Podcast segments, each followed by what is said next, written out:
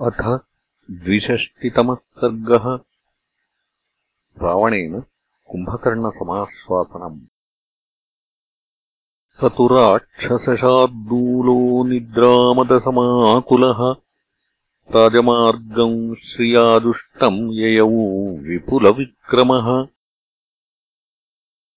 राक्षसानाम् सहस्रैश्च वृतः परमदुर्जयः गृहेभ्यः पुष्पवर्षेण कीर्यमाणस्तदा ययौ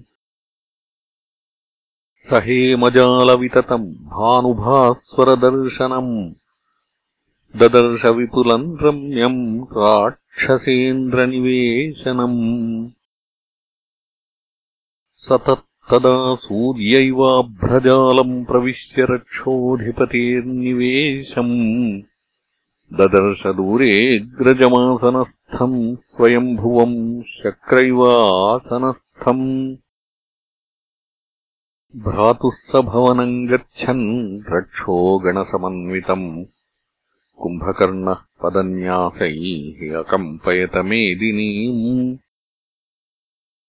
सोऽभिगम्यगृहम् भ्रातुः कक्ष्याम् अभिविगाह्य च ददर्शोद्विग्नमासीनम् विमाने पुष्पके गुरुम्।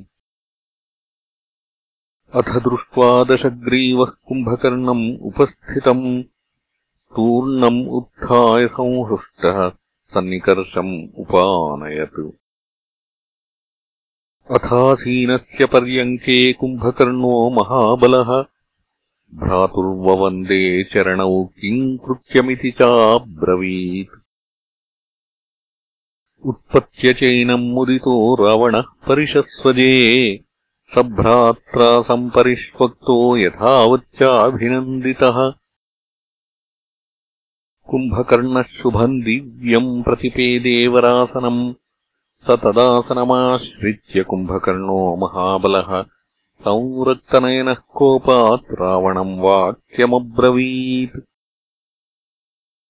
किमर्थम् अहमादृत्य त्वया राजन् विबोधितः शंस कस्माद्भयन्तेऽस्ति कोऽद्यप्रेतो भविष्यति। भ्रातरम् रावणः क्रुद्धम् कुम्भकर्णम् अवस्थितम्। ईषत्तु परिवृत्ताभ्याम् नेत्राभ्याम् वाक्यमब्रवीत्। अद्यते सुमहान् कालशयानस्य महाबल सुखितस्त्वम् न जानीषे मम रमकृतम् भयम्। एष दाशरथी रामसुग्रीवसहितो बली। समुद्रम् सबलस्तीर्त्वा मूलम् नः परिकृन्तति। हन्त पश्यस्वलङ्कायाम् वनान्युपवनानि च।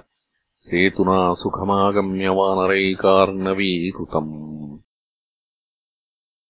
ये रक्षसाम् मुख्यतमाहतास्ते वानरैर्युधि। वानराणाम् क्षयम् युद्धे न पश्यामि कदाचन। न चापि वानरायुद्धे जितपूर्वाः कदाचन। तदेतद्भयमुत्पन्नम् त्रायस्वे माम् महाबल।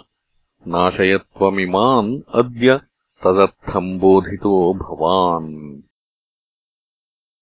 सर्वक्षपितकोशम् च स त्वमभ्यवपद्य माम् त्रायस्वे माम् पुरीम् लङ्काम् बालवृद्धावशेषिताम्। भ्रातुरर्थे महाबाहो कुरु कर्म सुदुष्करम्।